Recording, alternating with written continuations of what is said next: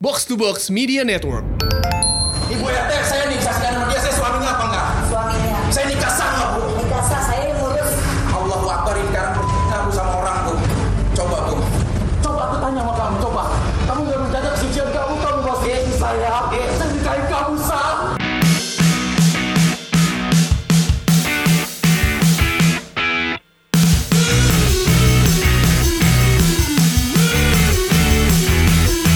Box to Box Podcast.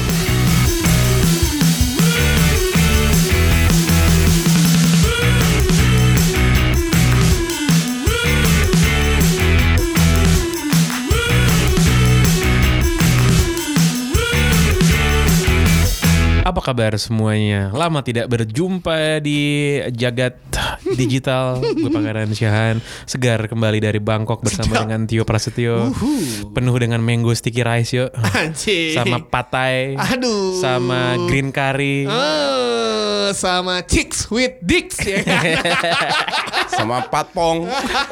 Gue gak ke Patmo kemarin lo. Lo ke Nggak Patmo gak? Gak tertarik. Hanya turis yang ke Patpong. Nggak ketarik. Perbedaan generasi nih. Perbedaan Kalau Coach generasi. Justin Enggak, ke gue juga Bangkok ke jarang. Patmo. Gue Nggak, jarang. eh, apa namanya eh, kalau ke Bangkok kemarin emang ya mohon maaf nih kita gue dan pangeran ha- harus menepi terlebih- me- eh, menenangkan diri ya kan dan merayakan kesuksesan Inggris di negara lain dengan tenang tanpa bacotan dari coach Justin Calon juara, calon kuat juara UEFA Nations League. Ya ya ya ya ya ya ya. Gila, Harry Iya. Kane golnya. Wih, disodoin masuk ke dalam.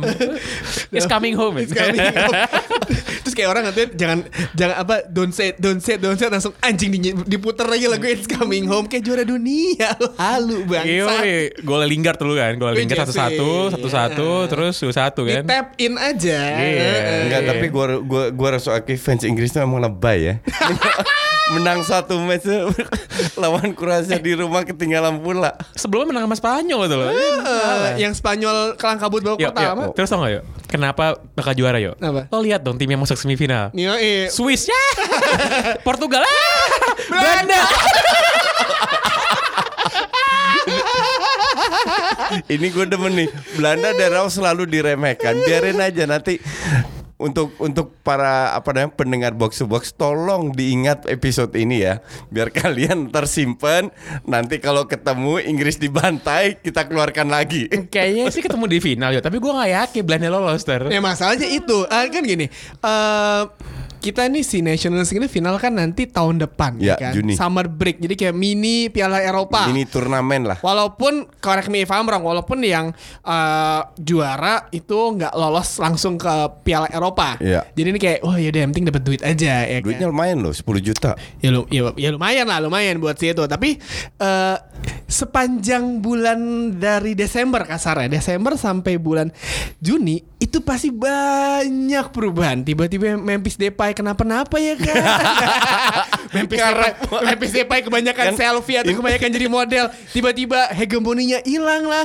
Virgil van Dijk eh, tiba-tiba akhir musim cedera pasti pasti pertandingan terakhir Premier League atau apa kan kita nggak ada yang tahu Nah, kan, coach Ya baru kan? sekarang udah pada takut. ini ini sebuah bukti kalau mereka udah mulai keteteran ngelihat eh, performa dari Memphis Depay dan Van Dijk sampai mereka meng- berharap begitu. Ya biarin aja. Yuk. Ha- Hampir gak lolos loh Hampir gak lolos Baru gue menit 85 kan Gol pertama tuh kan Gol gol Belanda Iya, pertama 86. Menit 86 baru orang gol. Ya, kebobolan duluan itu itu namanya tim luar biasa kan. Main jelek tapi bisa lolos. Bahkan menendang Jerman loh, menendang Jerman ke relegation. Pada saat drawing semua orang bilang, "Ah, Belanda pasti degradasi." Dan Tapi- bahkan bisa lolos kan luar biasa itu. Tapi gue setuju sih ya, saya kalau ngomongin kebangkitan Belanda sih, nge, eh, gue setuju sama coach Justin sih. Apa yang diomongin tuh betul adanya terjadi. Eh gue ingat di pertandingan yang terakhir yang si apa, yang akhirnya sama dua sama tuh lawan, lawan Jerman. Iya. Eh, Jerman menang berapa sih? 3-2 ya? Eh, Jerman kalah enggak sih, enggak, enggak. 3-0. Jerman pas Belanda lawan Jerman tuh menang kalah. yang Menang per- 3-0 ya kan? 3-0 kan? 3-0 ya. kan? Kalah 3-0 Maksudnya di eh, Belanda. dengan dengan dengan semua eksperimen Belanda kita tahu setelah 2014 pasca Louis van Gaal Red Army itu Jeblok, ya, ya, kan ya, dengan ya. pasca sundulan terbang eh, Robin van Persie itu dari umpan dari Deli Blind ya kan itu Belanda terseok-seok menurut gue berantakan coach coach pernah bilang kok Belanda nggak punya siapa pemainnya sih yang sekarang yang Ya, main di top tier ya, tuh ya ya. siapa Eh, tapi Iya. Ada ada ada gelandang playmaker Man United Hmm. tahun depan. Frankie De Jong. Ai, ai, ditonton lah itu ditonton lah. Heeh. Jadi emang eh, menurut gua sih Bela- perkebangkitan Belanda eh, di jalur yang tepat sih dengan pemain yang ada. Gua kan gua kemarin abis beli buku dari Bangkok, eh, bukunya Jonathan Wilson Nabi kan. Nabi Jonathan Wilson nulis buku judulnya The, The Barcelona Inheritance. Itu dia eh sebenarnya sebenarnya itu buku kayak ngomongin Johan Cruyff Iya, dan pasti. dan para ini dan para murid-muridnya. Jadi ngomongin Johan Cruyff sebagai rasul gitu ya dan para murid-muridnya sebagai penerus yang menyebarkan dakwahnya Iya, dia iya, gitu iya, kan. iya. Itu seg- itu sangat menarik banget bukunya. Jadi dia ngebahas semua semua eh, semua legacy dalam diri pemain-pemain yang jadi manajer di bawah dari Johan Cruyff pengaruhnya. Dari mulai Jadi mulainya eh, Troy.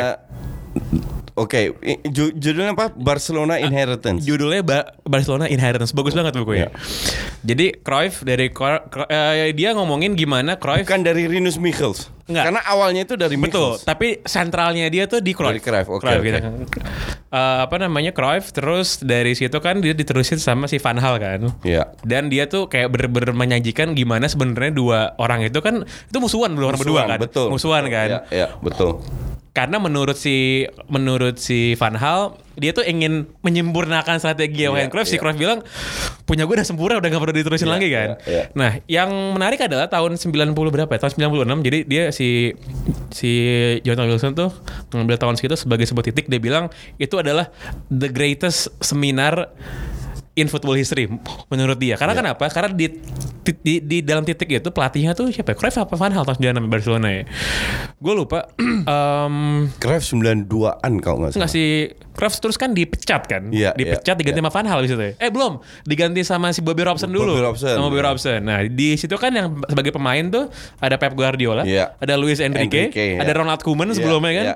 Ter- Stoichkov. Ada Stoichkov juga Ada Jose Mourinho sebe- Laudrup. Iya, Sebagai iya, translator ah, ah.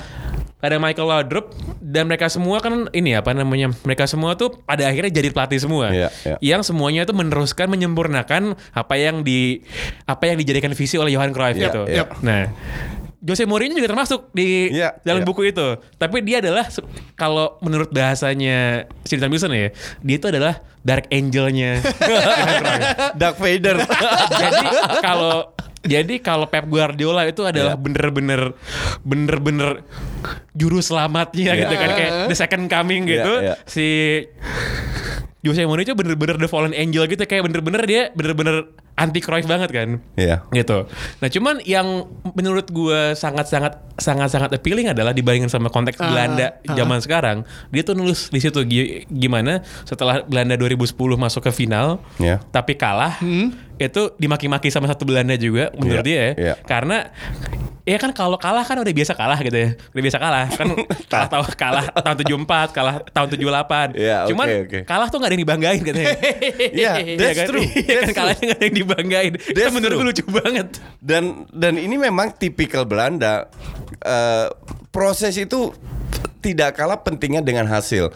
Kalau lu lihat Kuman 10 pertandingan terakhir menang lawan juara Eropa Portugal 3-0, hajar Jerman di kandang 3-0, hajar juara dunia apa Prancis dua- eh, 2-0 dan kemarin itu dihajar. Ber- 90% gue kebetulan abonemen di TV Belanda streaming gue bisa lihat eh, talk show Belanda se- semua lah gue tonton 90% dari penonton Belanda bilang Belanda main hancur beruntung golnya jatuh dari langit lu, lu kebayang nggak coba kalau itu Indonesia selalu mau menang lawan Ma- Mauritius saja dipuji-puji inilah yang inilah yang menjadi perbedaan antara Belanda dan dan Indonesia kita di Indonesia ini terlalu memuji ter- terlalu lebay. Kalau di Belanda, Hmm. seperti yang lu bilang tadi 2010 mainnya hancur, bertahan terus. Sepakat. 2014 di Bovan kal itu pun demikian karena Kevin Strootman ti- ti- tidak ada. Nggak ada, ah. Tapi Ronald Koeman, Van Dijk mereka berkali-kali bilang kita ini masih dalam proses. Jadi pasti ada menang kalahnya. That's okay, nggak masalah. Yang penting sekarang adalah kita sudah mendapatkan Skema. tim tim intinya eh, karakter ini harus dibentuk, identitas harus dibentuk dengan tujuan bukan juara, kualifikasi. Kok ja- jadi target Standar rendah. Enggak, bukan sangat rendah tapi realistis. Cuman inilah Belanda pada saat mereka diremehkan, disitulah mereka akan membuktikan. Tapi emang pas Belanda kan lawan eh, pas lawan si Jerman yang pertama dua sama kan? Enggak. Yang ter- pertandingan pertama, pertandingan, pertandingan, bukannya Di- 3-0, ya bukan yang 3-0. terakhir, terakhir menang menang 3-0. Tapi- Enggak, yang terakhir dua-dua. Terakhir Eh, yang- Kan dua-dua. Yang, terakhir dua-dua kan? Iya. Yang dua- Yang dua-dua. Yang pertama 3-0. ya, yang, yang dua-dua ini kan yang ketinggalan duluan sama si Iya, Jerman kan? 2-0. Sampai di akhirnya di babak kedua si asistennya Belanda eh, Iya. siapa namanya Dua- coach? Dwight Lodewijk. ngasih ngasih notes Surat. ke Virgil van Dijk dan itu viral. Nggak, ja- jadi ceri ceritanya gini. Kuman pada saat eh, halftime itu sudah eh, memberikan beberapa skenario. Oke. Kalau kita ketinggalan gimana? Karena pada saat 2-0 mere- dia tidak berani bermain man to man karena akan l- l- jadi dengan komposisi biasa berusaha eh, lebih agresif lagi bermain untuk mendapatkan satu eh, satu gol. Ah. Nah, gol itu dapat. Baru setelah itu mereka merubah skenario. Cuman kumanya lupa. Akhirnya si Dwight Lo- Lodewijk sama sa- satu lagi asisten lupa gue namanya. Itu bikin coretan dan itu dikasih ke Kuman tanpa Kuman melihat Langsung dikasih. dikasih ke si TT. Iya Eh. TT kasih ke ke Delih, Eh. baru Delih kasih ke Van Dijk, baru Van Dijk ke depan. Gitu ceritanya. pas ngomongin kuman tuh di dalam buku di dalam bukunya John Wilson tuh ada dibilang bahwa orang Belanda ini sebenarnya masalahnya adalah soal ego dia bilang. Berantem mulu kan kerjanya kan. Van Hal itu kan emang tukang cari gara-gara mulu. Iya. kan. Asli. Dia apa dia A- pernah- Sama Kuman berantem juga sama- ya. sama Kuman berantem.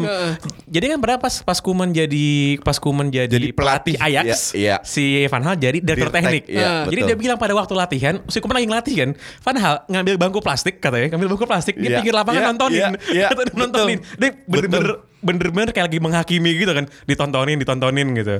Udah gitu ada ada bagian, jadi tiap tiap kayak tiap bulan ada performance review. Jadi dari pelatihnya kepada pemain. Yang ngasih review kan harusnya si Kuman kan? Iya. Sebagai seorang pelatih. Si Van Hal bilang, gue mau ikutan. Terus kata Kuman bilang, yaudah tapi lo gak boleh ngomong apa-apa. Iya. Oke. Betul, true. Kata Van Hal Bener, oke. bener kan? itu, bener, Oke bener terjadi itu. Oke. Terus udah gitu pas lagi ngasih review, dia diem aja nih, dia diem aja. Diem sampai ngomongin pemain siapa gitu gue lupa. Van Hal ngomong, ngamuk berat kan. Ngamuk berat. Yang paling tai adalah Van Hal bilang ke Kuman. Jadi pelatih utamanya adalah Kuman. Van Hal direktur teknik gitu kan. Si Van Hal bilang, "Gua mau nge-review Kuman."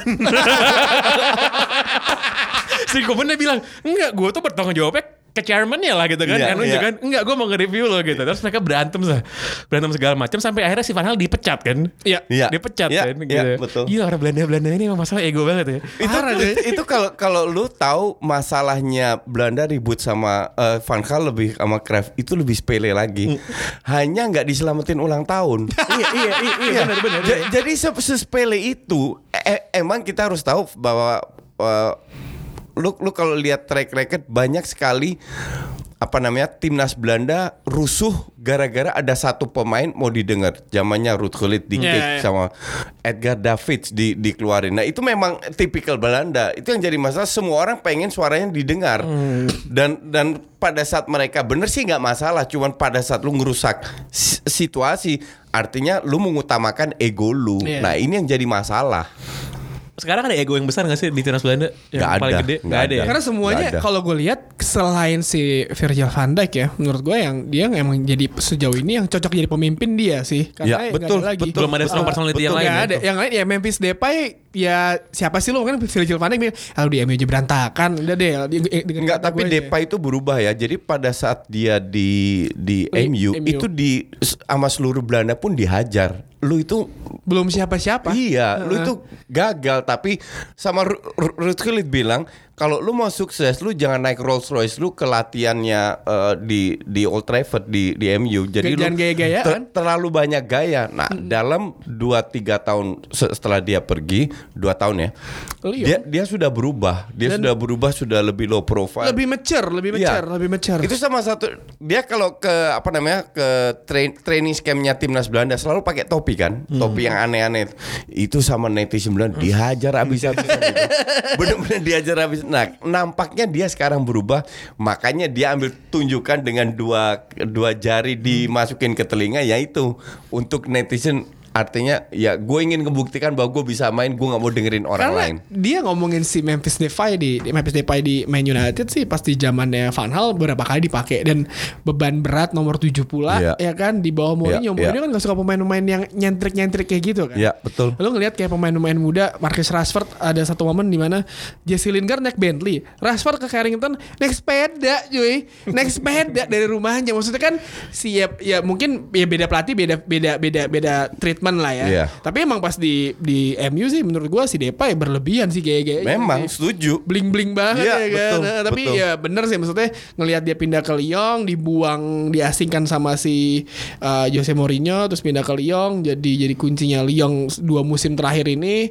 Jadi ya menurut gua sih keputusan penting lu lah. lu kalau lihat Eric Cantona itu kan juga anti mainstream banget. Asli. Tapi dia berprestasi, jadi orang masih bisa terima. Nah, pada saat Depay sekarang berprestasi di timnas dan juga di Lyon cetak gol terus, semoga dia nggak kembali songongnya, tapi lebih dewasa dan tetap berprestasi. Feeling feeling gua enggak sih kayaknya sih kayak gitu aja sih. Kayaknya mau enggak maksudnya untuk balik songongnya saya kayak enggak, Enggak, sih. iya. Uh, Enggak sih. Yang gue suka tuh kayak dia tuh kayak sekarang ya udah di media sosial lebih chill aja sih. Iya, Lebih betul. nggak bling-bling. Tapi gue iba nih yuk sama Belanda yuk. Bagus-bagus ntar kalah sama Inggris. Nga- ngarep sih gratis. Justru gue bilang pada saat Belanda di di bawah underdog disitulah kita akan perform. We are back on the right track.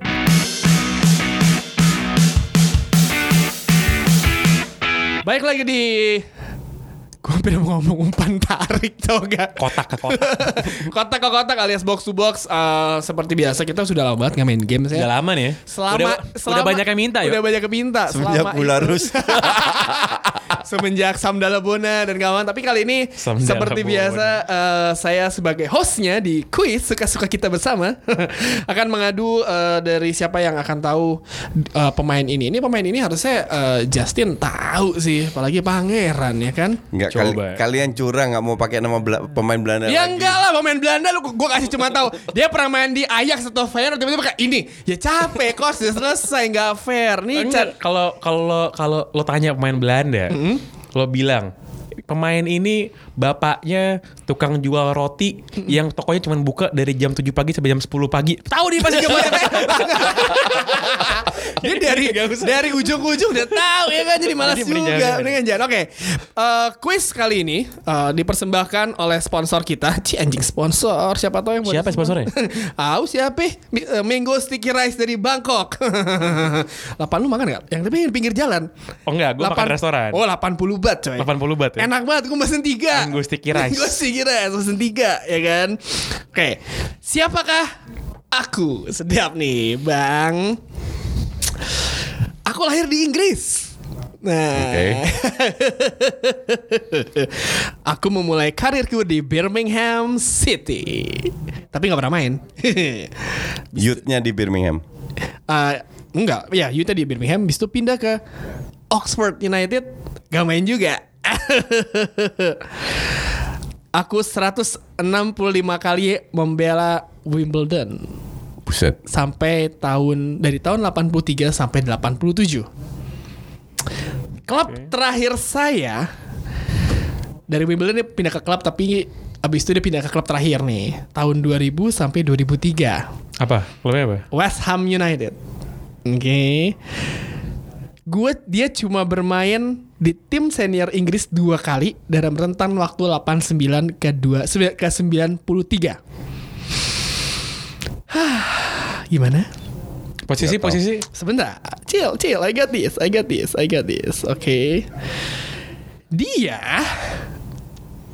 berposisi sebagai left back. Dia Oh, sekarang Wah, aktor Gua belum ya? nggak? tahu nih. Bukan. Stuart Pierce. Oh bukan. Bukan, bukan. Dia, dia sekarang aktor bukan? Bu- bukan. Bukan Vinny Jones, bukan Vinny Jones. Gua tahu. Bekas, bekas Wimbledon dia. Tapi nggak tahun 87 Nggak, udahan ya. 87. Vinny Jones tahun 90 masih main. Remes titiknya Gaza ya Iya, kan. iya. Terus. 87. Oke, santai santai. Wimbledon oke. Dia sempat aku pernah menjadi player of the year-nya eh, Wimbledon eh, selama empat eh, se- se- eh, sa- satu kali selama empat tahun di- berada di sana. Sebelum pindah ke klub ke Arse- klub Arsenal. Arsenal. Sampai coach nggak tahu Oh, mah ngeselin. Wimbledon Arsenal. chill, chill, chill. Tahun berapa? Ke Arsenal? Ntar dulu. Iya. Eh bentar bentar bentar bentar Ah, bentar. Dia. Nigel Winterburn. Eh, Gue gue baru tahu dia dari Wimbledon. Nigel Winterburn. Dia itu one one of the best fullback. ya dia pertama kali mulai di Arsenal jadi bek kanan. Iya. Bek kanan habis itu Terus kagusar sama Lee Dixon kan. Yo, Lee Dixon iya, di kanan. Andy Dixon. Ya itu salah satu apa empat eh, pemain Inggris back Inggris Arsenal dulu backnya Inggris semua kan? Pas tahun Iya, 98 Ya. juara Ton- tuh Inggris semua. Tony Inggris Adams, semua. Martin Keown, Martin Keown, Lee Dixon, sama Winterburn. Eh, eh, sama Winterburn. Winterburn. Itu pas Steve Bolt udah pensiun itu kan? Iya. Iya. Dan itu dahsyat sih itu empat orang itu Nigel Tony Winterburn. Steve Adams. Ball cadangan. Iya, terus eh, strikernya Nicola Anelka. Anelka, kiri Ian over Wright. Mars. Ian Wright Ian Wright udah emang Ian dia Wright masih masih- ya. main. yang masih 98 waktu itu 98 enggak? masuk 98 98 masih terakhir kalau nggak salah. Terakhir ya? Iya. 98 tuh over Mars kan? For Mars, Emmanuel Petit. Emmanuel Petit. Eh, terus Berarti bukan striker kan, kalau Bukan. Bukan. Enggak, enggak maksudnya di yang, main di yang, tengahnya. tahu yang terakhir sebelum MU terakhir Ray kan Parler. Ray Parler. From Fort Pele. Yoi. So- soal Ray, Ray Parler gue ada klien mau datengin pemain Tapi bajunya kecil banget Tanya yang ditawarin siapa? Ray Parler Kriwil-kriwil gitu kan. Iya, Ini Iya, orang juga ya, gak, tahu kalau gak kenal nggak Tapi suka kalau Arsenal. ngomongin Ray Parler gue selalu ingat dia kayak selalu menjadi senjata terakhir Arsene Wenger pas terakhir kayak yang aduh. terakhir-terakhir dia kayak udah gak ada siapa. Ah, Dia Ray Parler. dia tuh nomor 7 kan? sebelum Kagak, Parler kan? Dia midfielder kan? Iya, cuman dia tuh kalau nggak salah nomor nomor bagus di nomor Sebe- punggungnya. sebelum Pires masuk, Pires kan akhirnya ya jadi ya. Iya, French, iya, French iya, connection iya, semua. Pernah kan nomor tuh. 7 nggak sih Ray Parler? Pernah kan? Kayak enggak deh setahu gue. Enggak ya? Seinget gue Ah, ya. i- yang yang gue masih inget itu pemain bapuk banget tuh Ray Parler Iya, pemain dia pemain sayap kan? Pemain sayap. Sayap cepen yang Dia midfield kan? cuma bisa lari doang Dan, tapi iya. dan dulu Arsenal menurut gue eh, pemain sayapnya tuh dahsyat. Fredrik Ljungberg. Ya eh, Ljungberg masih oke Ljungberg, eh, Robert Pire, ya Iya. kan. Terus ak- setelah itu, setelah itu Arsenal Wenger mendatangkan pemain-pemain ajaib dari entah berantah ya kan. Iya. Setelah generasi Thierry Henry, Invisible ya dan Iya, kawan-kawan ya kan.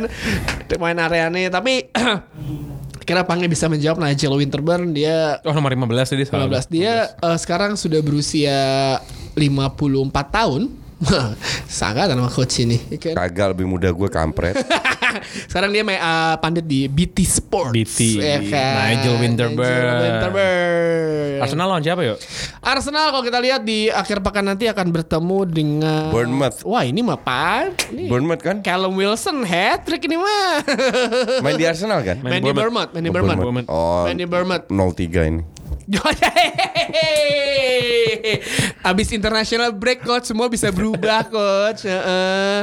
gimana coach? Nih eh, Arsenal melawan Bournemouth nih. Wilson lagi on fire nih coach. Sebenarnya gue lagi nunggu setelah 15 streak unbeatable kapan Arsenal kalah. Nanti pas lawan MU lah. Lawan MU lah. MU lah. Dan Desember. eh, Bulan kalau depan. kalau ya kalau MU jelas enggak itu gue berani taruhan ya. Hmm, Cuman ini eh, lagi nih. ap- apa apa namanya ceri- cerita Arsenal ini kalau gue ngeliat kan kayak kayak timnas Belanda dalam Sedap, arti sedap. na- nothing tulus bermain aja dan diem-diem bisa 15 kali nggak terkalahkan cuman mm, pasti ada daunnya karena target Arsenal kan nggak fair lah kalau dibilang juara atau apa yang penting masuk empat besar dan di, di atas MU itu gue udah puas Enggak, gue gue Iya, ingat nih. Gue eh, di atas MU Gua gua hari ini kan nge- nge-tweet gitu kan, apa namanya? eh si eh, gua ada ada orang mention si coach Justin nih eh eh, ngepost eh, tipikal netizen maunya instan ini tuh out 20-an kali mi- diminta tapi sepak bola kita gitu-gitu aja. Terus ada orang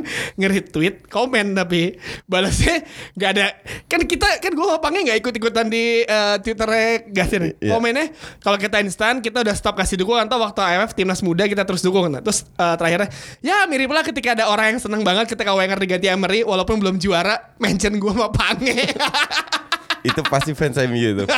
ya iya coach fans Chelsea terus di Premier League eh, akhir pekan nanti ada West Ham City ya udahlah nih pasti eh, City gengan mudah ding ya gampang lah terus ada wih pertandingan abad ini coach tim kesayangan loh Tottenham Hotspur lawan Chelsea Idi. Iya. nggak asyik nih heeh. Itu. urutan 34 nih heeh. Oh, Pochettino. Pochettino. Sem- Semoga sih seri. Tapi gue gue sangat impress dengan dengan permainan Sari dalam arti para pemain ini cepet banget adapta- adaptasi dari dua satu setengah tahun bermain sangat bertahan tiba-tiba menyerang ball possession dan nampaknya eh Hazard lebih happy ya Tapi tapi pas di zaman Conte sebenarnya dia nggak juga nggak bertahan bertahan banget sih. Dua fullback mereka sih cuman ball possession rata-rata di Iya. 50 persenan ke Victor, bawah loh Victor Moses sama si Marcos Alonso kan paling paling kuasinya kan. pas di lawan- tahun juara itu klop semua Itu dahsyat Ta- tapi banget. habis itu kan drop Itu gara-gara apa? drop ya? banget. Gara-gara si Conte minta pemain gak dikasih kan? Iya terus dia ngambek terus dia di pinggir lapangan pakai ini dulu Tracksuitnya. pakai jaket training. Iya. Pokoknya kalau dia ngambek tuh dia pakai jaket training. Iya, kalau dia iya. lagi baik moodnya, bagi bagus, pakai jas dia. Pak- pakai dasi pakai dasi gitu selalu, selalu gitu Eh, ya apa ya gue lupa gue tadi mau ngomongin soal Conte apa skip skip terus terus terus Ya, eh, iya bener sih kata coach si Sari 4-3-3 Jorginho jadi tapi kemarin dan kan pas- Kante lebih ke depan ya Kalau ya Conte lebih lebih ke depan, lebih bermain lebih nyerang sih dan sukses Iya, iya, menurut iya, gua. iya, iya, betul, Eh, setuju. tapi satu hal yang bisa di mungkin kalau misalkan si Spurs ini gue bukannya membanggakan ketika MU akhirnya seri lawan Chelsea tapi si Jose Mourinho berhasil mengeksploitasi eh, sebuah kesalahan eh, apa kelemahan si Chelsea karena kalau David Luiz di pressing itu pemain itu sering gelagapan kayak waktu yang si lawan MU itu kan gara-gara dia kan si lepas bola si eh, matanya dengan PD-nya nggak apa dengan PD-nya nekan si Lu- Iya. eh, David Luiz dan bisa ngirimin bola dengan gampang. Oh, soal Mourinho di again ini gue tetap memberikan cukilan buku Ci. cukilan buku deh kayak review majalah zaman dulu soal Jose Mourinho. Jadi again ini kan adalah orang-orang yang semuanya berasal dari sekolah olahraga Johan Cruyff semua nih kan. Cuman Iya. ternyata didikannya tuh beda-beda hasilnya gitu. Jadi katanya one day si Jose Mourinho itu itu dia tuh anak orang kaya. oke Anak orang kaya dari keluarga kaya lah, keluarga kaya. Jose ini ya. Jose Mourinho. Rich by nature. Eh, jadi omnya dia itu, omnya dia itu salah satu tangan kanannya diktator Portugal tuh si Rivera siapa itu lah pokoknya Iya, gitu kan. iya. Nah, gitu. Jadi dia tuh dia tuh hidup dulu di pinggiran kota di estate gitu lah peternakan kaya banget Iya. lah gitu kan. Jadi sebenarnya dia tuh bu- bukan orang yang di luar kekuasaan gitu. Terus tiba-tiba tiba-tiba kekuasaannya diambil, lalu apa namanya dia eh, nggak jadi orang kaya lagi. Iya.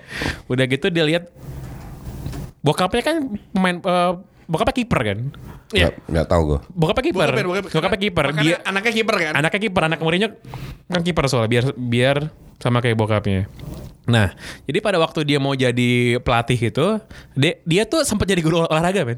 Gue Iya. gua gua kebayang Jo- Jose Mourinho jadi guru SD SMP gitu ya, terus anak anak didiknya disuruh koprol nggak bisa gitu pas nggak mau ngambil nilai penjaskes. terus dikata-katain gitu Mourinho kan. Tapi dia, tapi eh, di buku itu ditulis bahwa yang bikin Mourinho itu sangat eh, berubah adalah pada waktu dia lagi duduk di sebuah ruang kuliah, dia masuk ke kelas psikologi. Terus bilang pentingnya soal mental yang bisa mengubah yang bisa anjing ada 50 cent Gocapan. yang bisa mengubah performa dari 0 jadi 10 gitu. Oke. Cuman dengan modal dibacotin. Terus kata si profesor psikologinya, dibilang dari antara semua orang yang ada di da- dalam ruang kuliah itu, yang mukanya paling berbinar-binar tuh Mourinho katanya. Pas denger itu. Pas denger itu paling berbinar-binar kan. Dan itu kan yang diterapkan sama dia di semua ini dia Di kan. semua klubnya dia. Di semua klubnya dia. Ah. Di semua klubnya dia. Dan Tut- kalau tadi kita mau meneruskan kenapa dia begitu konfrontatif ya gara-gara masa lalu pak masa lalu memang Kenangan masa lalu. membentuk bagaimana diri di zaman sekarang gitu perjalanan hidup lah. perjalanan hidup seperti kayak Conte gitu misalnya kita kan lagi main Conte tadi Conte sebagai pemain bukan pemain yang Bagus lah Yang kalau skillful. Conte. Enggak, Enggak, cuman- tapi bagus. bagus. Iya. Tapi dia bukan pemain, Bukan pemain yang skillful, Dia, heeh. dia tuh pemain sayap kan. Iya, Pemain iya, sayap iya. tapi bener-bener sayap konservatif gitu loh. To the point aja. Yang lari-lari gitu. doang Iya, aja kan, ya To the kan? point aja. Terus crossing, crossing. Heeh. Ya. Crossing, crossing, crossing gitu. Ray Parler. Repal.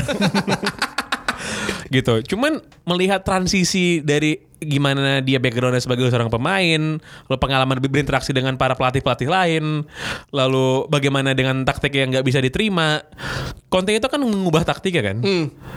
Mengubah taktik setelah dibantai sama Arsenal tuh kan? Di awal musim dia ngikutin tak formasi rata-rata yang Dua, kayak Inggris iya. kan. Sampai akhirnya dibantai Arsenal. langsung Dua, berubah tiga jadi match berubah ya? Korban sampai. korban pertamanya kan Spurs kan. se- Iya. Seingat gue. Nah, kalau mau dikomparasi sama si Sari gitu misalnya, Sari kan juga bukan pemain bola kan? Iya, Banker banker, kan dia ya, kan? banker.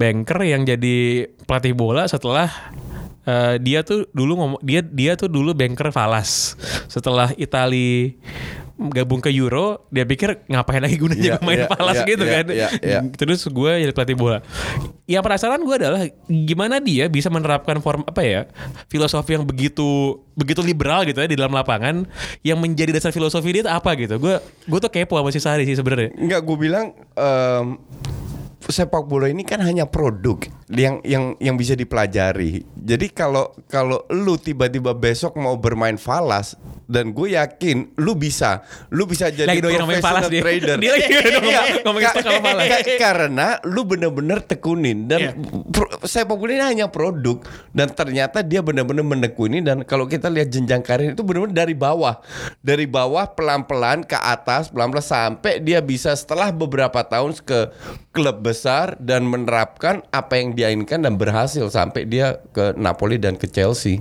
dan itu eh, jenjang karir yang yang panjang dan yang prosesnya luar biasa hebatnya Dan satu yang menarik menurut gua eh, di bawah eh, si Sari ini Chelsea kayaknya ke- apa keadaan suasana timnya lebih kalem dibandingin sama Conte, sama Jose Mourinho.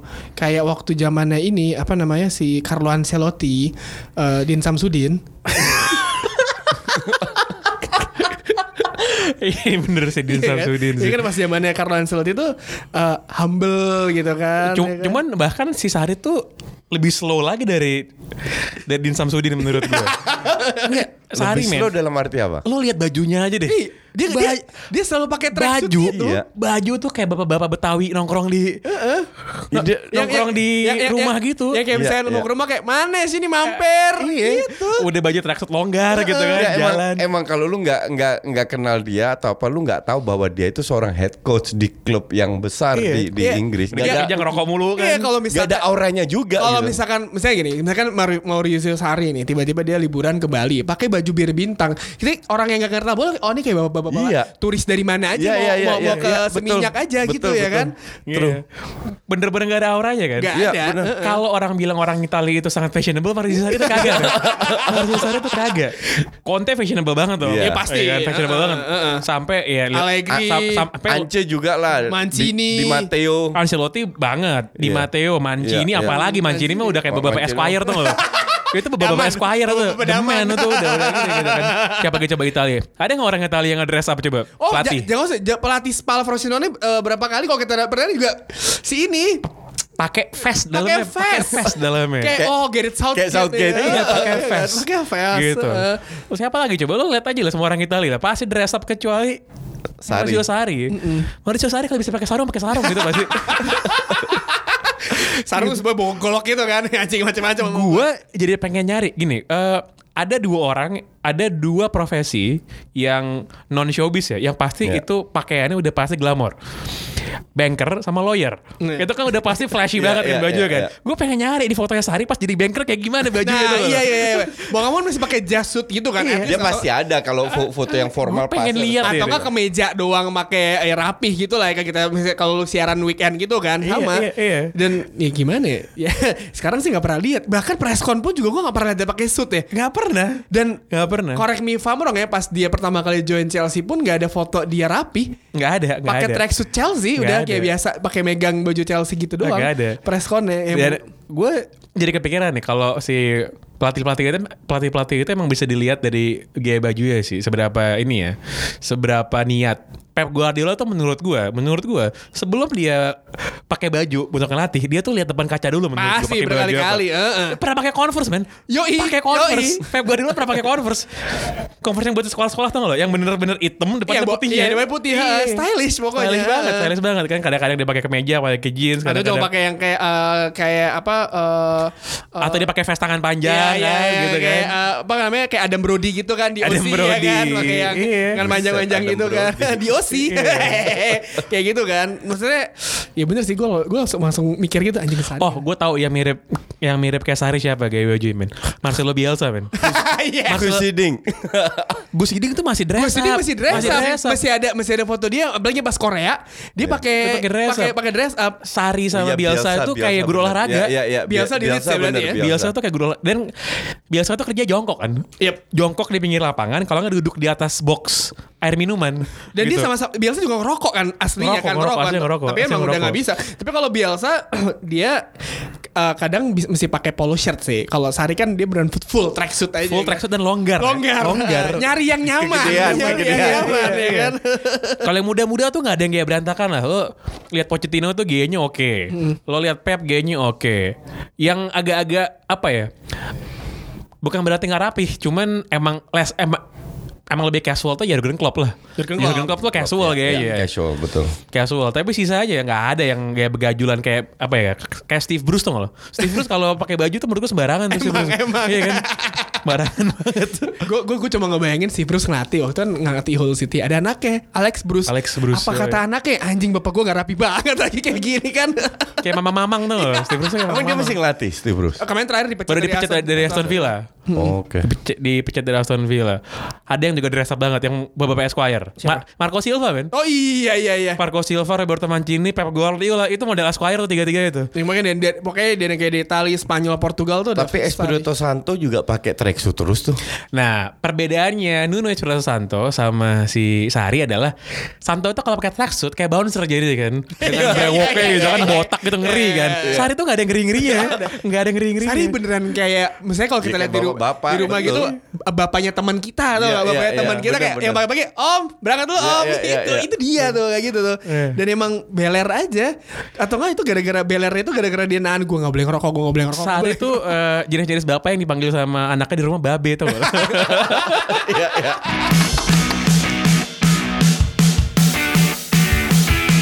Masih di box to box eh, edisi tiga segmen akhirnya kita setelah terakhir dua segmen terus ya. Gue nggak tahu yang si just Co- coach sama si dua anak asuh itu kayak gimana. Gak ada segmen hajar terus. Eh, di segmen terakhir kita mau bahas si seri A.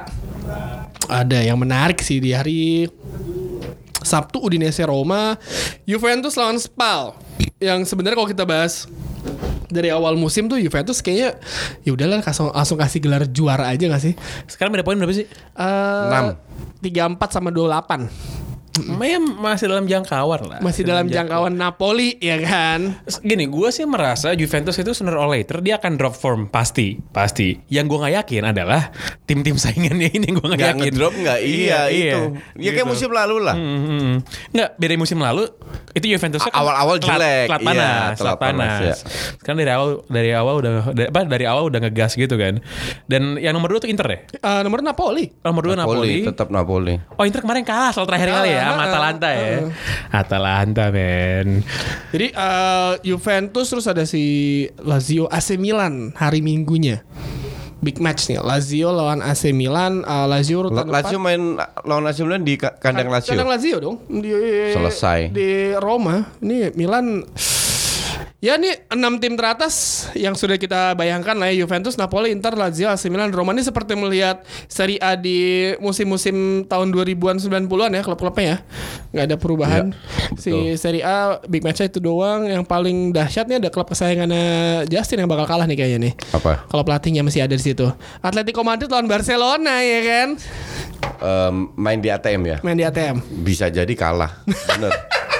Tim Katro Enggak gue gue bingung Lu kalau sebagai pelatih Lu sudah mengalami beberapa kali Kehilangan poin Entah itu seri atau kalah Dengan pemain yang bagus-bagus At least Lu harus membuat sebuah perubahan Dan itu udah dila- tidak dilakukan sama sekali Gue masih ingat kembali zaman Enrique di mana Messi di atas kertas bermain 4-3-3 sebagai winger kanan dan Messi ujung-ujungnya turun ke tengah. Jadi serangan itu praktis dari Alba dan Messi karena itu yang selalu diincar dan di kanan itu nyaris nggak ada serangan karena dia tidak berani memainkan Coutinho, Suarez, Dembele, M- Messi di tengah dengan Arthur.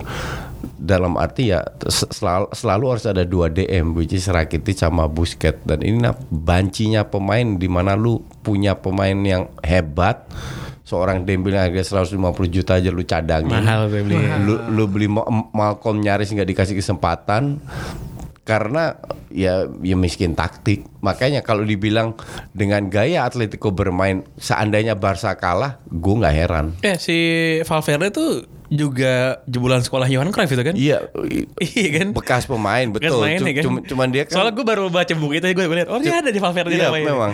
Cuman eh, dia kan lebih terkenal pada saat pegang Bilbao dengan gaya bertahannya. Nah, lu kalau udah ke ke Barca ya susah lah. Ar- Harusnya menyerang, se- kan? se- Sebenarnya bu- benar, bukan masalah menang kalah karena that's part of the game. Tapi at least lu meneruskan filosofinya Pep yang dimana di, diterapkan di La Masia juga adalah menyerang Oh. dengan ball possession. yang kemarin jadi bahan ini, yang kemarin jadi bahan puja-puji di Spanyol abis mengalahin Barcelona itu siapa? Pelatih siapa namanya? Betis. Pelatih Betis Iya. namanya siapa? Kike Setien. Setien, Enrique iya, Setien gitu kan. Eh, dia kan ngefans banget sama Barcelona kan? Iya. Ngefans banget sama bener-bener ngefans gitu. Sampai dia minta bajunya Sergio Busquets kemarin. Iya, iya, betul. Dan dia tuh sebelum sebelum lawan Barcelona itu dikritik sama fans Betis karena terlalu mengagungkan Barcelona gitu kan. Gue pengen main kayak dan Barcelona. dan terlalu menyerang Ter- ter- terlalu menyerang dia selalu bermain dengan 352 setahu gue jadi benar-benar ball possession di tengah dan be- bermain sangat atraktif cuman eh, karena kualitas pemain Betis terutama di lini belakang kalau untuk gue kalau lini tengah oke lah karena lini belakang tidak begitu m- memadai maka dari itu mereka berada di eh, menengah ke bawah kalau nggak salah ya Betis padahal dari sisi permain itu atraktif banget ini ini pelatih lebih co- jauh lebih cocok daripada Valverde Kalau dia ngelatih Barca, lu setuju coach? setuju banget Sama yang menarik kemarin gue baru tahu kalau si setelah si Barcelona beli Coutinho tuh ada klausul si Barcelona nggak boleh beli Dua pemain tahun. Liverpool 2 tahun. Nggak, se- bukan. Sebenarnya bukan nggak boleh beli. Boleh beli tapi lu top up 100 juta di di atas harga pasarnya. Jadi kalau mau salah yang harganya let's say 150 250. du- jadi 250 kan gila. kan? Karena mungkin Liverpool belajar dari dirinya sendiri kan Iya, ya. Karena betul. mereka beli pemain Southampton banyak kan ya.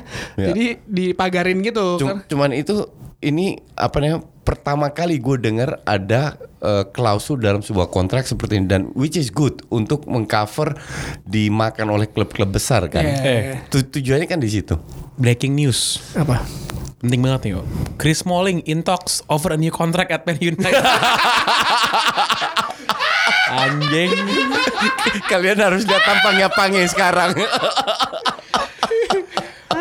Kalau begitu nggak ada yang lebih menarik dibandingkan Chris Smalling ya kan? Enggak yang gue baca di Instagram gue pas Belanda menang lawan itu gue posting Van Dijk kan ada yang ngomong seandainya Chris Smalling bisa kayak Van Dijk langsung ngakak gue denger Bener-bener tulisannya breaking di Sky Sports kayak bangke. Nggak ada pemain lain apa gimana ya? Tapi Satu-satunya bisa diharapin cuman ya itu di kontrak baru biar dijual mahal aja udah gitu aja. Iya mungkin itu ngarep ya tapi ya dia nggak masalahnya kagak ada yang mau beli dia itu salah satu peninggalan Ferguson ya kan ya. Iya. mungkin heritage Itu kali, beli dari heritage. Fulham itu beli. ya. Heeh. Dari Fulham. oh dia dia bukan dari youth bukan, bukan, bukan dari Youth. Fulham. Yang dari Youth itu si Johnny Evans. Dunia fans. Siapa ya yang dijual? Backnya MU tuh sekarang gak ada yang dari Youth semuanya. Oh, Oke, Siapa coba? oke. Gak ada kan? Jones Jones Enggak, dari Blackburn. Jones dari Blackburn. Set- yang Steve Ferguson ngeliat Jones itu pas eh, eh, yang ngebantai di Q1. tapi usia muda nggak waktu muda, dia masih pindah? bocah, Mas- masih bocah. Masih remaja lah pasti beli lah. Oke. Dulu tuh Smalling sama Jones itu eh, adalah eh, dua back tengah masa depan Inggris pada tahun itu.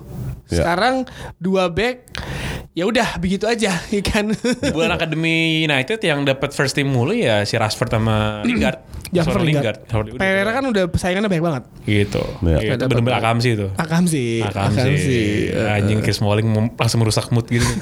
Kalau karena merusak mood kita sudahkan saja eh, segmen kita di segmen ketiga ini. Nggak ada yang lebih penting dibandingin Chris Smalling memperpanjang kontrak dengan Manchester United berarti tandanya MU nggak bakal beli back dan kemungkinan besar ya udah. Bobby Alderweireld kan harusnya Harry Maguire lah. Harry Yang- Maguire lah. Eh, Yang paling make sense Harry Maguire. Tapi tetap akhir musim tetap di atas Arsenal. no way